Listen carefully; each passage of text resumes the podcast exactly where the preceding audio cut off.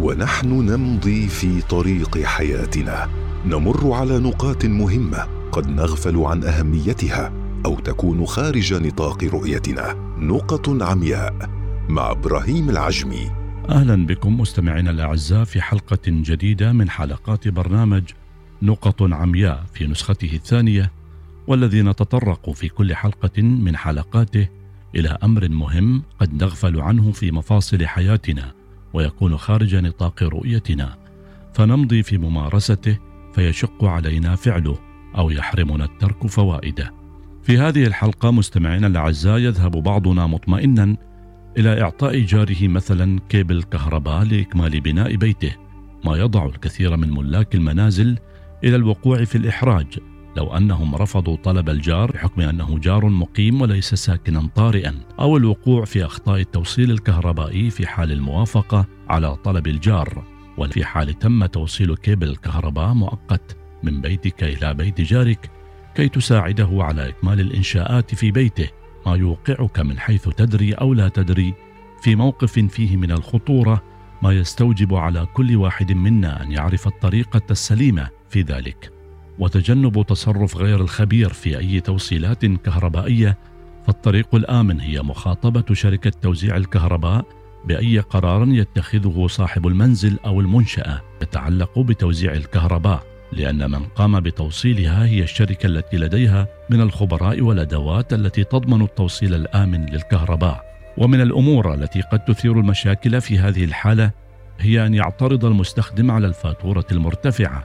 ناسيا أنه سمح لجيرانه بالحصول على كهرباء بيته متغافلا عن أن شركات توزيع الكهرباء لديها آلية لمثل هذه الحالات. فهي يمكنها أن توصل كيبل مؤقت من الموصل الرئيس إلى البيت الذي يتم إنشاؤه. وعدادا مؤقتا أيضا لحساب القدرات الكهربائية المستخدمة وتكمن الخطورة في التوصيلات غير الآمنة اولا في الكيبل المستعمل وطريقة تركيبه في الشبكة الكهربائية للمنزل. فقد يحمل الكيبل المقابس الكهربائية فوق طاقتها أو أن يمر عبر ممرات قد تشكل خطورة على المارة والأطفال.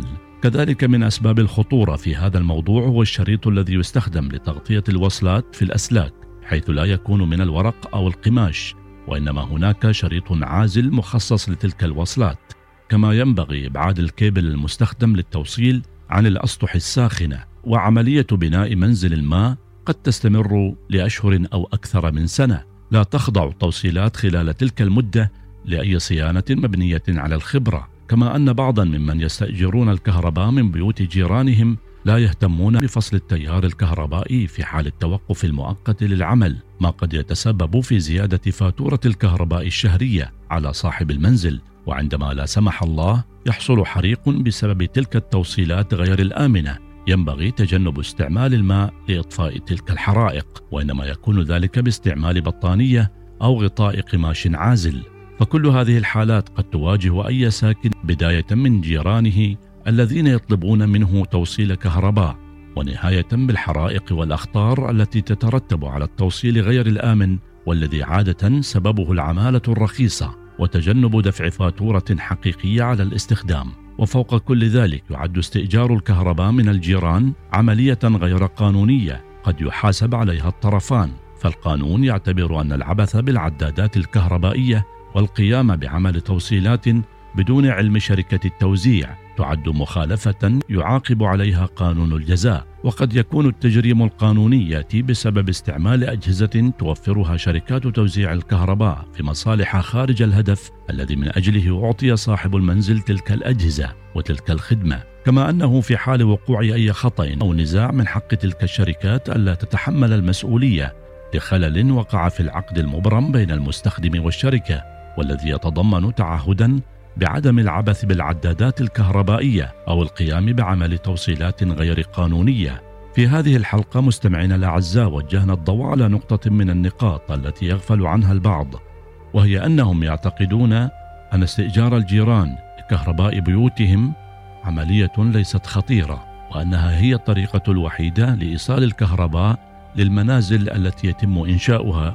غافلين عن أن شركات توزيع الكهرباء لها آلية لمثل هذه الحالات وإن استئجار الكهرباء من الجيران يعد عملية غير آمنة أو قانونية على أمل أن نلتقي مع نقطة أخرى من نقط عمياء. إلى اللقاء.